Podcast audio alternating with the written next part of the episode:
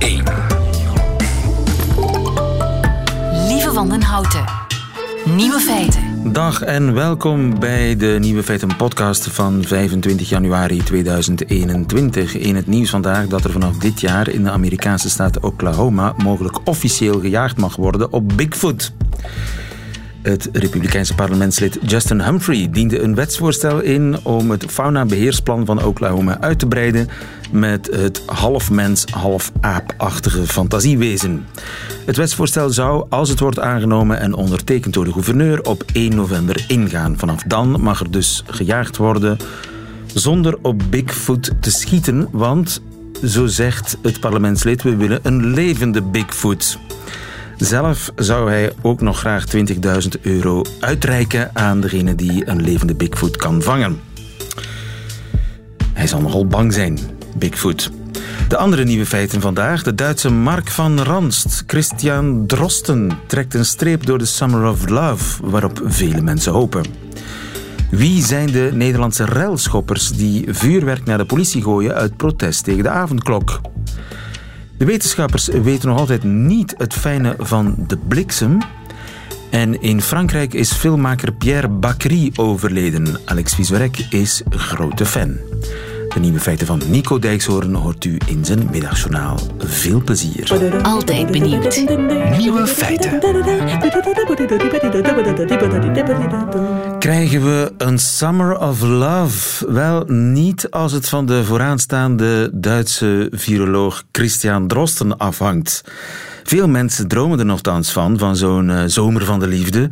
Zomer 21 zou dan een soort van derde Summer of Love moeten worden. Na die van de hippies in 1967 en na die van de Ravers in 1988.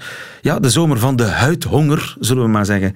Die van 21. Een zomer vol feesten en festivals. Een zomer als één grote geslachtsdelen kermis.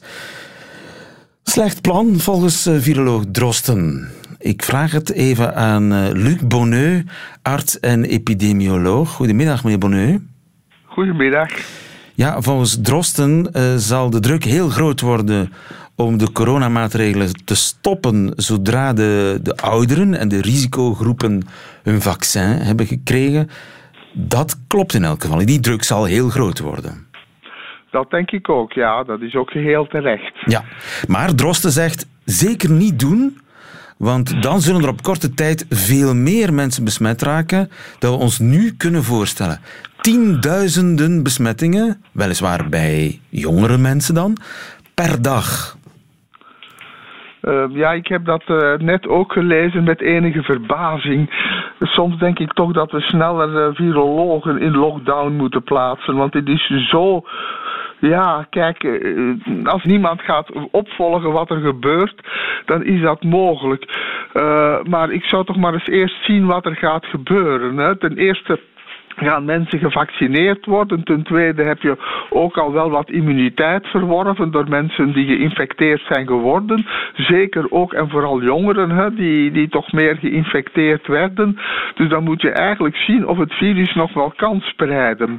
Uh, als dat zo is en dat geeft problemen, want daar, daar moeten we naar kijken. We moeten niet kijken naar virussen, we moeten kijken naar problemen. En dat zijn ziekenhuisopnames en intensive care opnames. Ja. Als er geen problemen zijn, prima. Als die problemen er komen, ja, dan moeten we wat.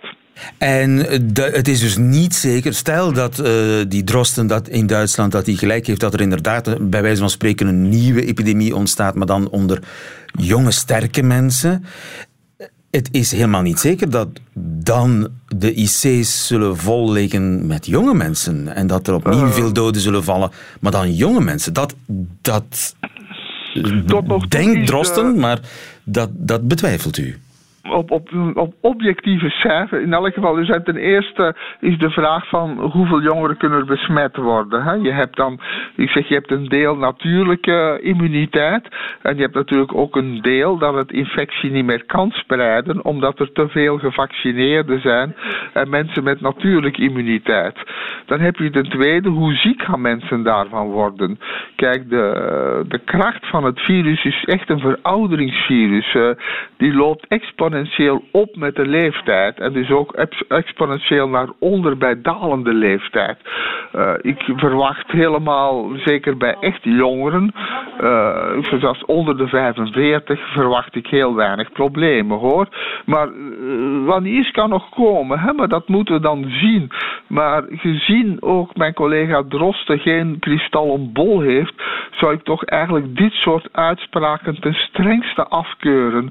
We moeten echt af van dit soort voorspellingen zonder zonder kennis eigenlijk, zonder, uh, zonder hebben, hebben we niet al enigszins een vermoeden van hoe dodelijk dit virus is bij, laten we zeggen, uh, 45-jarigen? Ja, zeker. Daar, hebben wij, er bestaan uh, momenteel schattingen van. Uh, die er eigenlijk allemaal, ik zeg, die, die, ze volgen eigenlijk de verouderingscurve uh, wat wil zeggen dat de kansen verdubbelen om de acht jaar leeftijdstoename. Als je naar sterfte gaat kijken, natuurlijk ICU-opname, dat is wat anders. Uh, dat is deels omdat erg oude mensen niet meer gaan opgenomen worden. Dat is deels omdat men jongere mensen eerder gaat opnemen, omdat ze nog jong zijn en, en er natuurlijk meer kansen wil gunnen. Uh, maar op zich zijn dat toch Kijk, het, het, het, uh, het vertienvoudigt ongeveer uh, over 20 jaar leeftijd. Uh, wat wil zeggen dat bij 40-jarigen de kansen toch al behoorlijk laag zijn. En dan, dat zijn nog altijd geen jongeren. Hè? Als we het over festivals en geslachtsdelen en zo hebben, dat, dat spreek je toch vooral over twintigers. en die hebben doorgaans, notware uitzonderingen niet te nagesproken, heel weinig gevolgen van een, uh, van een SARS-CoV-2-infectie. Maar is uw antwoord dan op Drosten uh, wel toegeven aan de druk om de maatregelen te stoppen nadat de kwetsbaren en de ouderen zijn gevaccineerd? Je moet, uh, dat is eigenlijk een, ik zou bijna zeggen, een no-brainer. Je moet kijken naar ziekenhuisopnames en intensive care unit opnames. We hebben nu ook bij de vorige golf gezien dat in mei dat dat allemaal spontaan begon terug te lopen. Mede door het goede weer, door meer contacten buiten. Ik zie geen enkele reden waarom dat, dat dit jaar anders zou zijn. Zeker omdat er veel meer uh, immuniteit in de bevolking is. Uh, je moet niet kijken naar theoretisch wat er allemaal zou kunnen in je kwaadste dromen. Je moet kijken naar wat er praktisch gebeurt op het veld in de ziekenhuizen. Maar is, dus, bestaat dan niet het gevaar dat je te laat komt met maatregelen? Dat dan het kwaad is geschied en dat je de vloedgolf niet meer kunt stoppen? Nou, dat hangt. De, de, de, ik bedoel dat ten eerste, je verwacht natuurlijk ten eerste dat die ziekenhuisopnames naar onder gaan. Uh, uh, dat, dat, dat gebeurt ook niet op 1, 2, 3. Hè. Je verwacht eerst dat die, dat die lager gaan worden. Vervolgens, als ze gaan toenemen, uh, dan gaat dat niet van de ene dag op de andere zijn. Hè. Dat ja. is, men spreekt altijd van exponentiële curves. In het begin gaat dat heel langzaam. Ja. dus in het begin heb je alle tijd om daarop te anticiperen. En te gaan zien van kijk, wat is het probleem? Uh, maar ik denk ten eerste hangt het er inderdaad vanaf van hoeveel mensen zijn al geïnfecteerd. Zeker bij jongeren zijn dat vaak toch al redelijk hoge percentages. Uh, en ten tweede, hoeveel van de bevolking is al gevaccineerd? Ja. Uh, en dan kan je gaan zien van kijk, volgens mij gaat dit in mei ophouden. Waarbij dat ik onmiddellijk moet zeggen dat onze voorspellingen tot nog toe uh, grandioos ernaast hebben gezeten. Meneer Bonnet, uw, uw uh, bescheidenheid siert u, maar volgens u denkt dat het in mei afgelopen is? Met in mei is dit afgelopen, ja. Dan gaan ziekenhuisopnames naar onder. En ik vermoed als we dan vlijtig verder blijven vaccineren, dat het virus dan geen kansen meer krijgt om terug te komen. Dus de Summer of Love, wat u betreft, komt die eraan? Ja tenzij er onvoorzienbare gebeurtenissen zijn, zoals nieuwe varianten die aan het vaccin kunnen ontsnappen. Dat is niet volstrekt onmogelijk, maar toch wel onwaarschijnlijk. Ja. Luc Bonnet, ik uh, hoop het met u. Dank u wel. Goedemiddag. Ja. ja. Nieuwe feiten. Coucou de France. Met Alex Visorek. Confinement of reconfinement. Uh, in Frankrijk blijft hij lachen. Uh, onze landgenoot en mijn collega bij de Franse radio, Alex Visorek. Goedemiddag, Alex. Goedemiddag, lieven. Voor confinement of reconfinement wachten we woensdag of donderdag. Hola. Dus, ja, maar ik heb een ander thema voor u. Want het is altijd een speciaal gevoel als een heel bekende topacteur overlijdt. En dat gevoel hebben de Fransen deze week gekend met het ingaan van Jean-Pierre Bacry. Jean-Pierre Bacry. Uh, Ken ik niet, eerlijk gezegd. Heel bekend hier en u moet zijn film uh, zien. Uh, geniale scenario-schrijver en acteur. Hij schreef samen met Agnès Jaoui, die ook lang zijn echtgenote was. Parels van le cinéma français. Un air de famille, On connaît la chanson, Le goût des autres.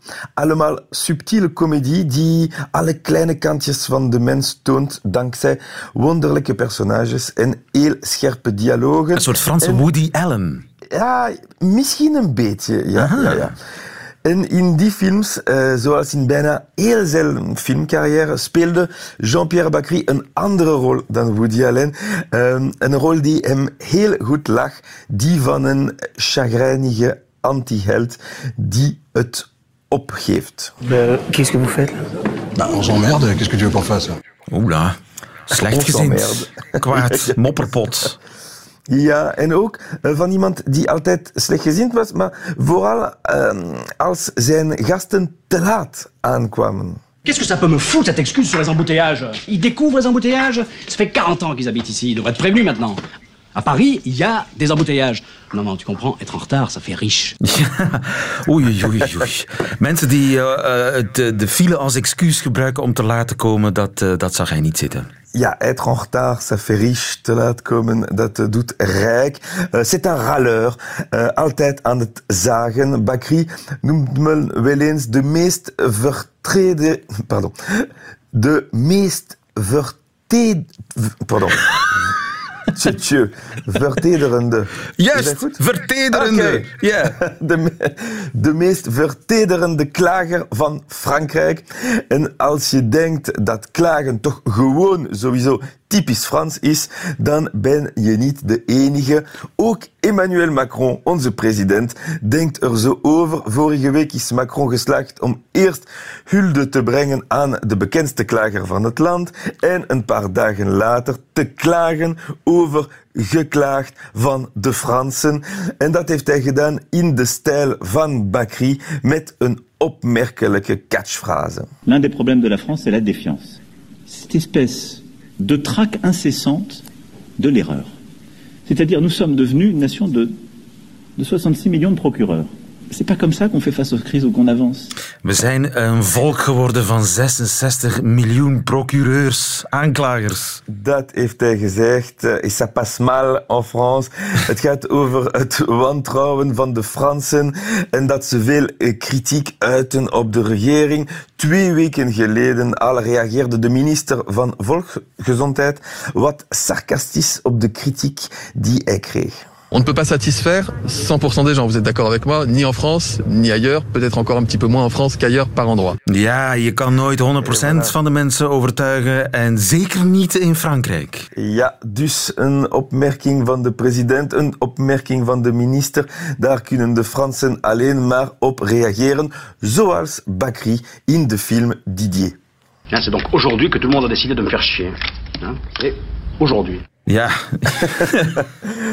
Vandaag iedereen uh, me fait chier, dat moet ik niet vertalen. Nee. Uh, het is ook niet de eerste keer dat Macron een steek geeft om uh, te klagen over de Fransen. In 2018 deed hij deze beroemde uitspraak over zijn volk in Denemarken. Le Gaulois réfractaire au changement. Ja, de Gallier koppig die zich tegen veranderingen verzet. En dat denkt hij van de Fransen. En toen konden de Fransen alleen maar denken. Ah, quel mépris. Un prétexte débile, trouvé à la va-vite. Même pas foutu d'inventer quelque chose de, de, de, de plausible. Il n'y a que du mépris là-dedans. Ja, wat een minachting en onzin. Ja, dat was weer Jean-Pierre Bacry in de film Cuisine et Dépendance. En in 2017 zei Macron dit. La France n'est pas un pays réformable. Beaucoup ont essayé, ils n'ont pas réussi. Parce que les Françaises et les Français détestent les réformes. Ja, de, de Fransen haten hervormingen. Ja, vernieuwingen. Uh, waarop de Fransen dan zo hadden kunnen antwoorden. Oui, oui, oui. Je comptais justement aller m'excuser. Hein je vais lui faire une révérence et puis je vais lui réciter un petit poème de bienvenue. Hein Je suis sûr qu'il sera sensible. Ja, ja, ik was sowieso van plan om me te excuseren hoor, en te buigen en een gedichtje voor te dragen. Ja, maar hij denkt dat niet, denk ik. Ook dit was Bakri lekker cynisch. En Macron vertelde ook ooit hoe het er volgens de kleinzoon van generaal de Gaulle aan toe ging ter huizen de Gaulle. Vous pouvez parler très librement. La seule chose qu'on n'a pas le droit de faire, c'est se plaindre. Ah bon Eh ben, c'était, une- je trouve, que c'était une bonne pratique qu'avait le général. Oui.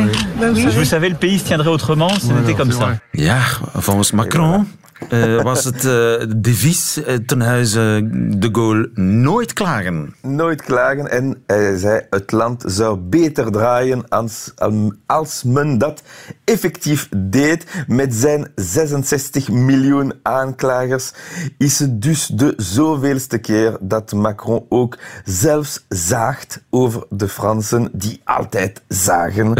en de zoveelste keer dat de Fransen reageren à la Jean-Pierre Bacry in Le Goût des Autres. Je commence à en avoir plein le cul de vos grands airs, là. Faut arrêter de me parler comme ça, hein.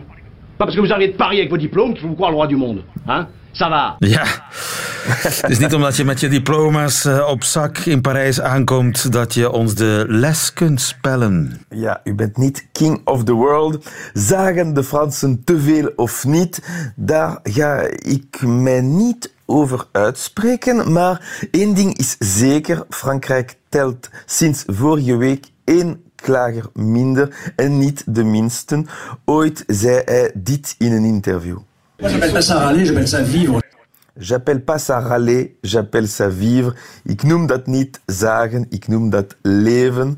Als dat waar is, zal hij nu nooit meer klagen. Dus au revoir, Jean-Pierre Bacry. De man die de ziel van de Fransen kon eh, uitbeelden.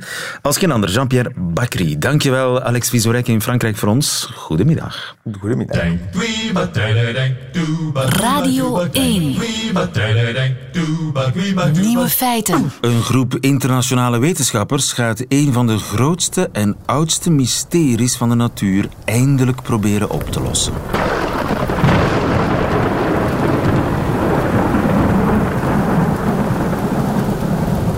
Professor Dirk van Dijk, goedemiddag. Goedemiddag, lieven. Professor emeritus fysica aan de Universiteit van Antwerpen. Ik val eerlijk gezegd van mijn stoel. Ik word ervan gebliksemd. Want hoe kan dat nu dat de wetenschap nog altijd niet weet, het fijne weet van de bliksem? Ja, heel interessante vraag. Eh, de bliksem is al altijd al een, een erg bestudeerd onderwerp geweest. Eh, zelfs Benjamin Franklin, een van de founding vaders in de Verenigde Staten, heeft experimenten gedaan om de bliksem te laten leiden via een vlieger en een metalen draad. Het uh, was heel gevaarlijk toen, want er zijn verschillende wetenschappers van gestorven natuurlijk. Het is heel gevaarlijk. Natuurlijk, de bliksem is een van de meest brutale, uh, laten we zeggen, weerseffecten. Weers, effecten, Ook 2000 doden per jaar, heel wat schade en dergelijke. Dus, dus men wil proberen begrijpen hoe het werkt. Maar er zijn verschillende theorieën nog altijd. En het is heel moeilijk.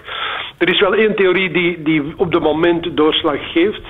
Dat, maar dat is, een, is weer een globale theorie. Die zegt van kijk, de, de, de koude, er is een, een botsing tussen koude dalwind, dus die, die met ijskristalletjes heeft, en warme stijgwind met waterdruppeltjes.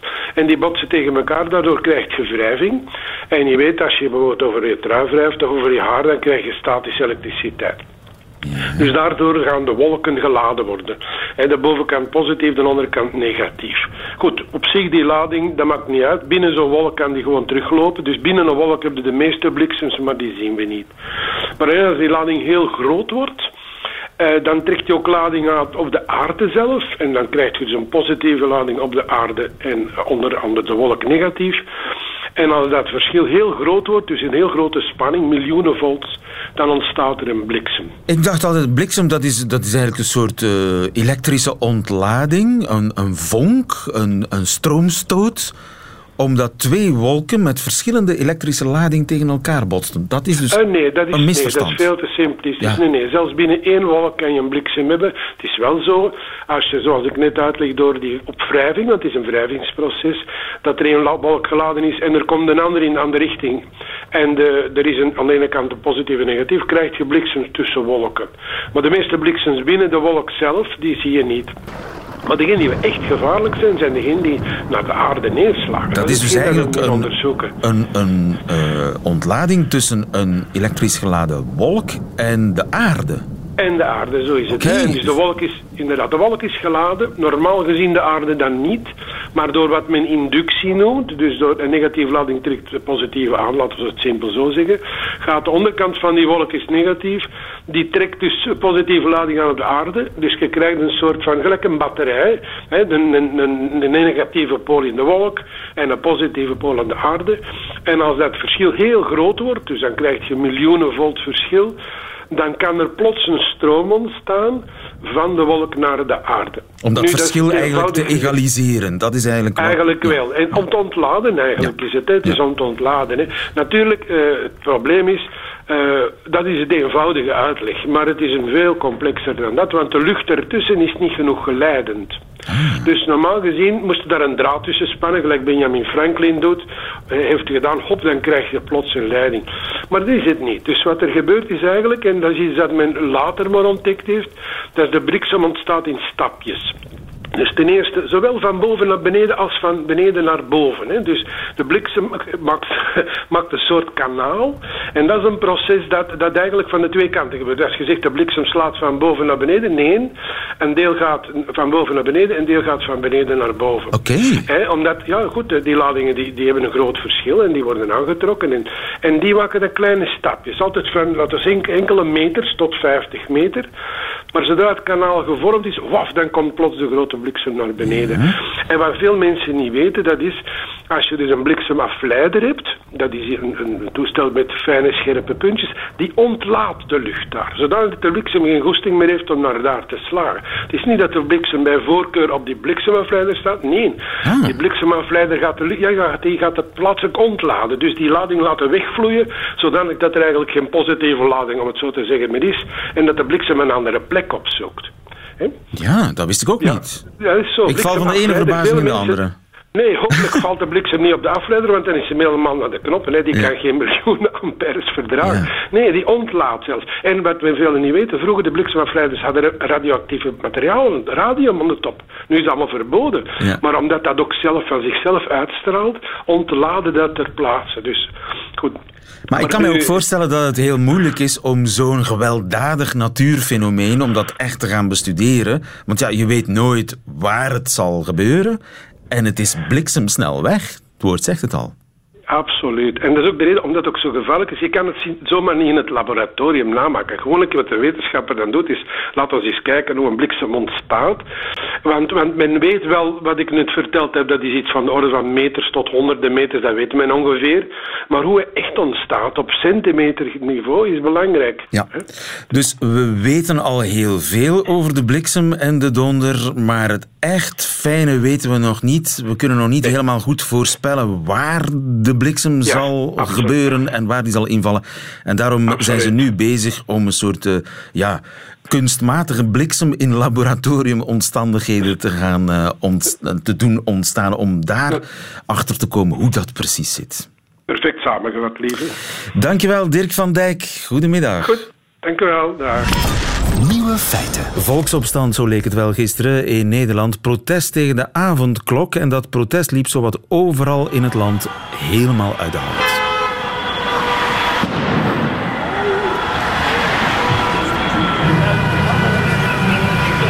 Goedemiddag, Rudy Bauma.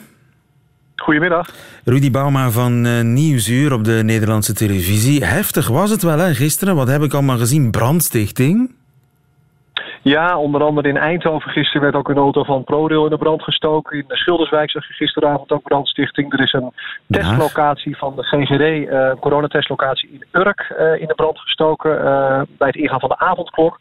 Uh, ja, en voor de rest ook veel opstootjes. Uh, van de ME in Eindhoven, in Amsterdam, waar demonstraties waren die uit elkaar werden geveegd. Uh, een heel, heel onrustig weekend in Nederland. Ja, ruiten van ziekenhuizen proberen in te gooien, stations toetakelen, plunderingen zelfs.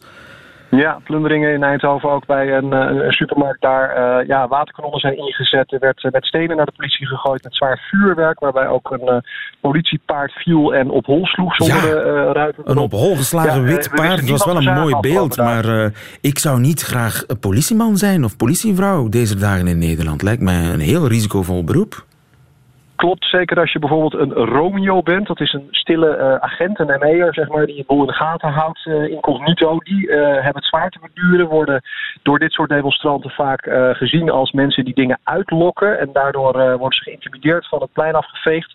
maar ook journalisten hebben het niet makkelijk hoor. We hebben zelf een beveiliger van een van onze cameramensen, toevallig een cameraman met wie ik gisteren zou gaan draaien, was in Urk om die uitgebrande teststraat te filmen. En die beveiliger, ja, het is al erg genoeg dat we ze nodig hebben, is met pepperspray in zijn gezicht gespoten.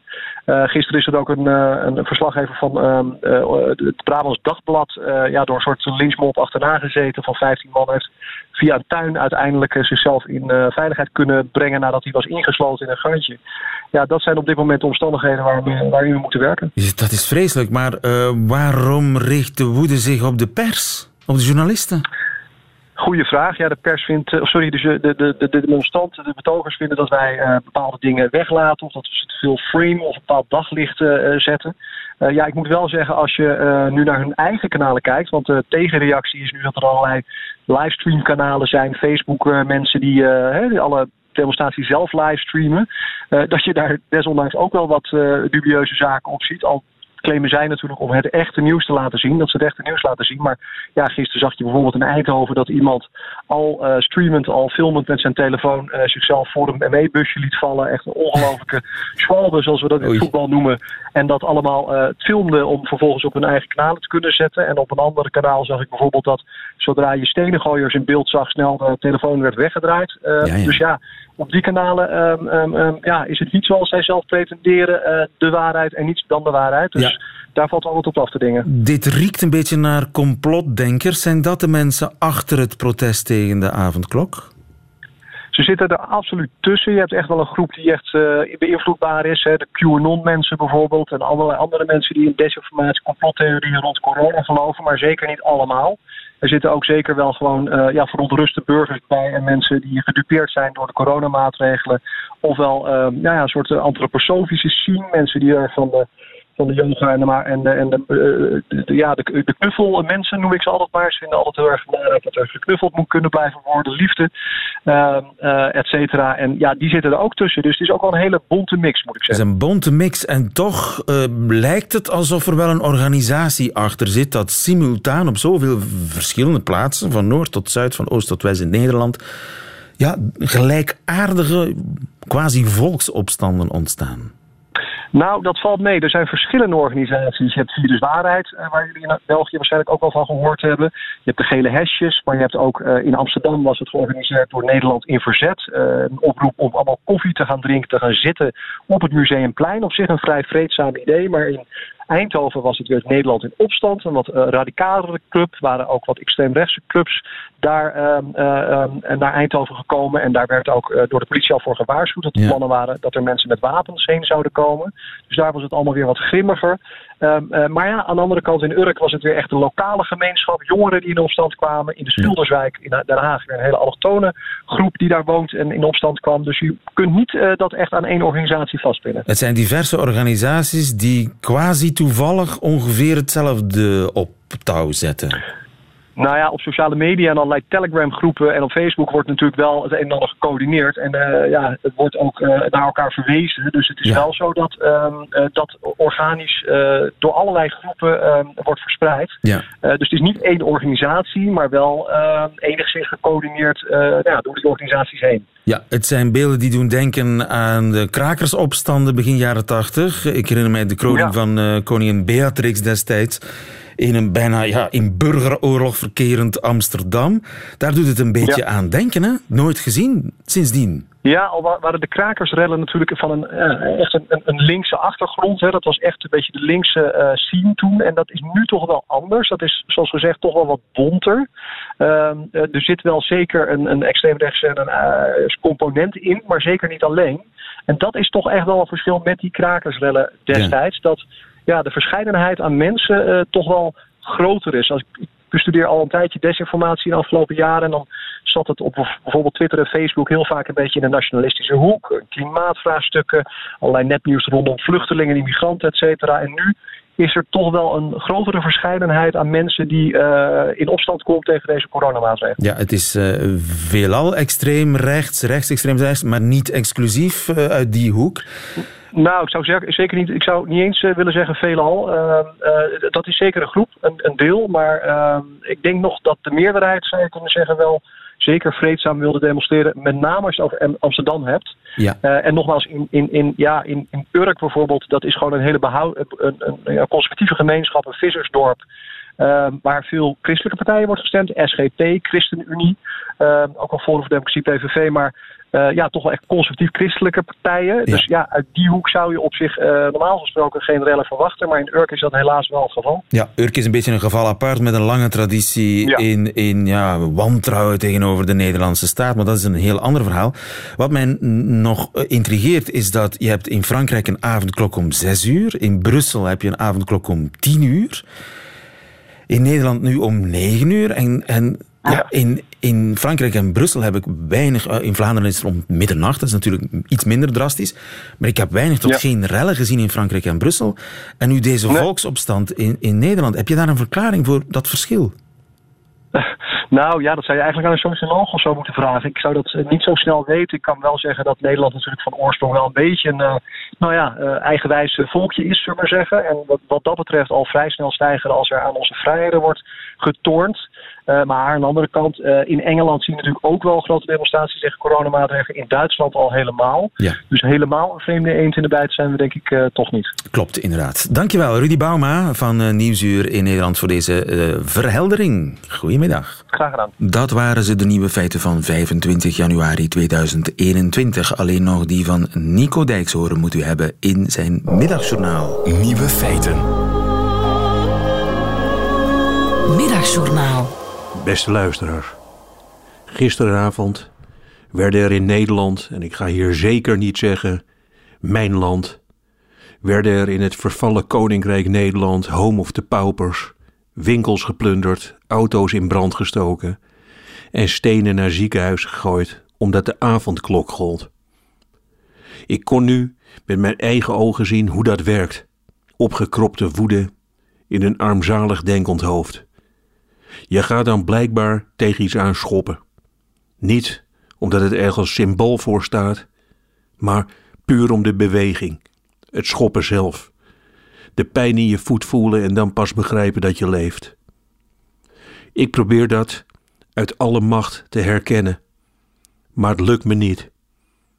Wat er eigenlijk het dichtst bij in de buurt komt, dat is de keer dat het mij niet lukte om een pannenkoekje te bakken in een gourmetpannetje. Ik geef het hier ook maar gewoon toe, luisteraars, ik hield van gourmetten. Vooral door dat pannetje.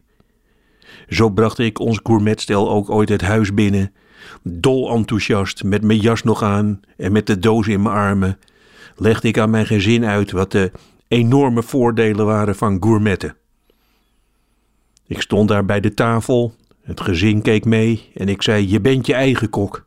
Het is geweldig. Als je kaas over je vlees wilt smelten, dan kan dat gewoon. Hier, kijk dan wat lief. Kijk dan die pannetjes. Dat is toch heel lief. Kijk dan, ze zijn heel klein. Dat is het leuke, je moet geduld hebben. Dus niet, dus niet pang die hele bak champignons erin, maar gewoon per keer één champignon bakken in je eigen pannetje. Kijk nou toch eens naar die pannetjes. Hoe ze als jonge vogeltjes tegen elkaar aankruipen. Dat is toch lief? Kijk dan, kijk dan die steeltjes aan die pannetjes. Die zijn heel klein, kijk dan. Vooral dat ze heel klein waren, die pannetjes, vond ik blijkbaar woest aantrekkelijk. Maar nu komt het, luisteraars. Na zes keer gourmetten voelde ik dat ik klaar was voor het pannenkoekje. Ik smolt boter, mijn gezin keek toe. Ik goot het beslag in het pannetje en daarna gebeurden er allemaal dingen die niet in de gebruiksaanwijzing stonden. Het deeg was te dik, het plakte aan de pan, de pannenkoekjes vielen niet om te keren. En ik heb toen, niet voor reden vatbaar, bijna 25 keer heel hard met mijn lepel op het beslag geslagen, steeds harder. Alles wat er misging in mijn leven, dat zat in dat mislukte pannenkoekje. En daar keek ik gisteren naar. Rellende en plunderende mensen die erachter komen dat het leven geen pannenkoek is. Dat er af en toe iets mislukt en dat je daar dan machteloos op aanvalt. Ik moet wel zeggen, aanvallen op een pannenkoek, dat vind ik dan net iets minder wanhopig dan aanvallen op een ziekenhuis.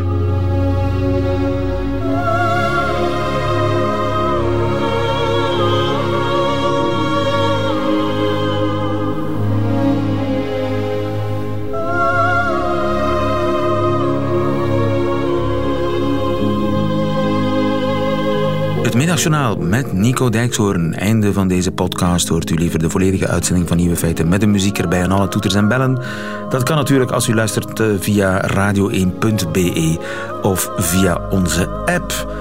Daar vindt u overigens nog veel meer fijne podcasts. Tot een volgende keer.